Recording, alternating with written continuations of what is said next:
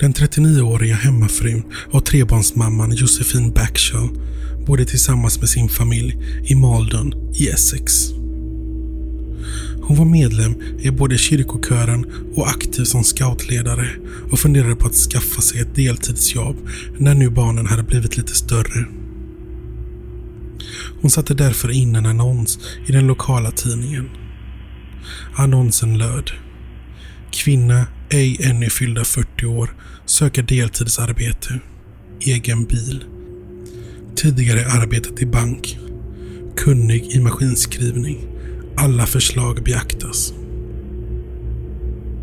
Den oskyldiga hemmafrun kunde väl aldrig föreställa sig att hennes lilla annons kunde misstolkas. Dagens sanna berättelse har jag återigen hittat på den fantastiska sidan Dystopia. Mitt namn är René Alexander och du lyssnar på Mysteriet. FBI 2D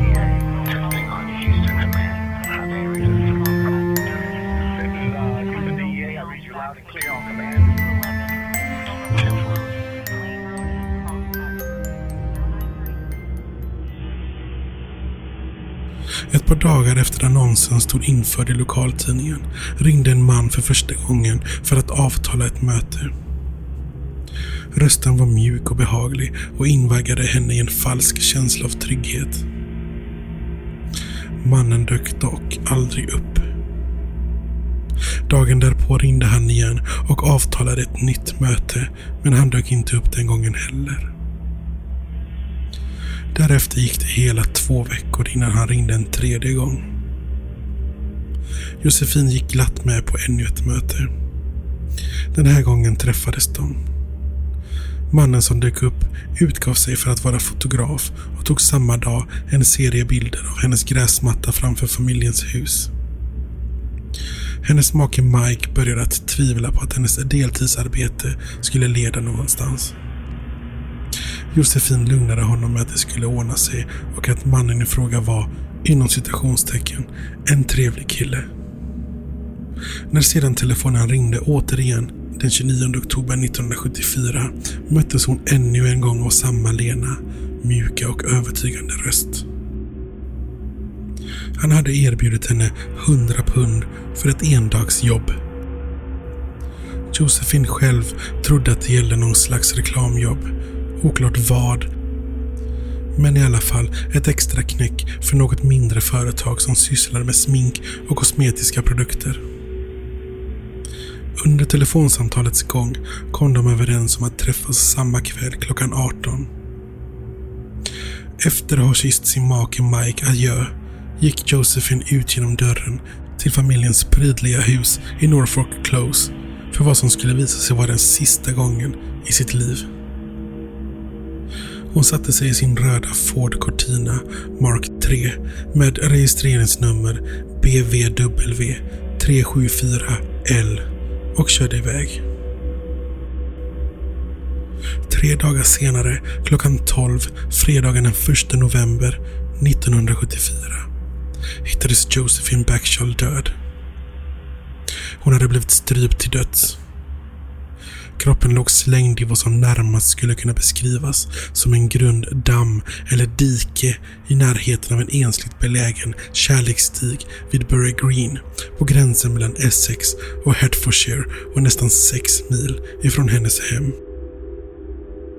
Hon var fullt påklädd. Hennes händer hade bundits samman med ett rep som bundits runt handlederna och hon låg med ansiktet neråt i vattnet. Ett likadant rep satt hårt runt hennes hals. Hennes armbandsklocka hade stannat klockan 20 och 10. Josephine Backshall, den kyrkliga och skötsamma grannen som var tillfreds med livets enkla och oskuldsfulla nöjen, dog därför att hon hade litat på en bedragares ord. Hon hade helt litat på denna mystiska man, som polisen senare lade ner över hundratusen timmar på att finna. 40 poliser arbetar med fallet under det första året. Fler än 19 000 män förhördes. Samtliga av dessa män hette antingen Pete eller Dave i förnamn eller Thompson eller Johnson i efternamn. Offret hade nämligen nämnt dessa namn till familjen och för sina vänner. Något av dessa namn passade in på den man som istället för att anlita henne som fotomodell hade gjort henne till ett offer för ett brutalt mord. Ett mord som man än idag ens har kunnat fastställa motivet till. Vad som däremot kunde fastställas var att Josephine och denna okände man hon så godtroget litade på stannade till på puben Fountain i Good Easter Essex där de drack varsin öl.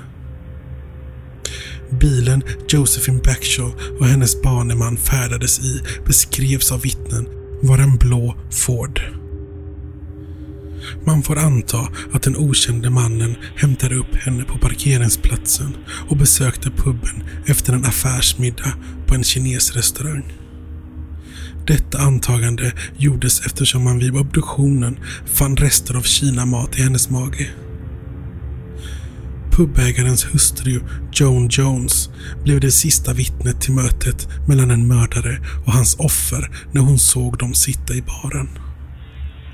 Fru Jones hade bara som flyktigast sett honom.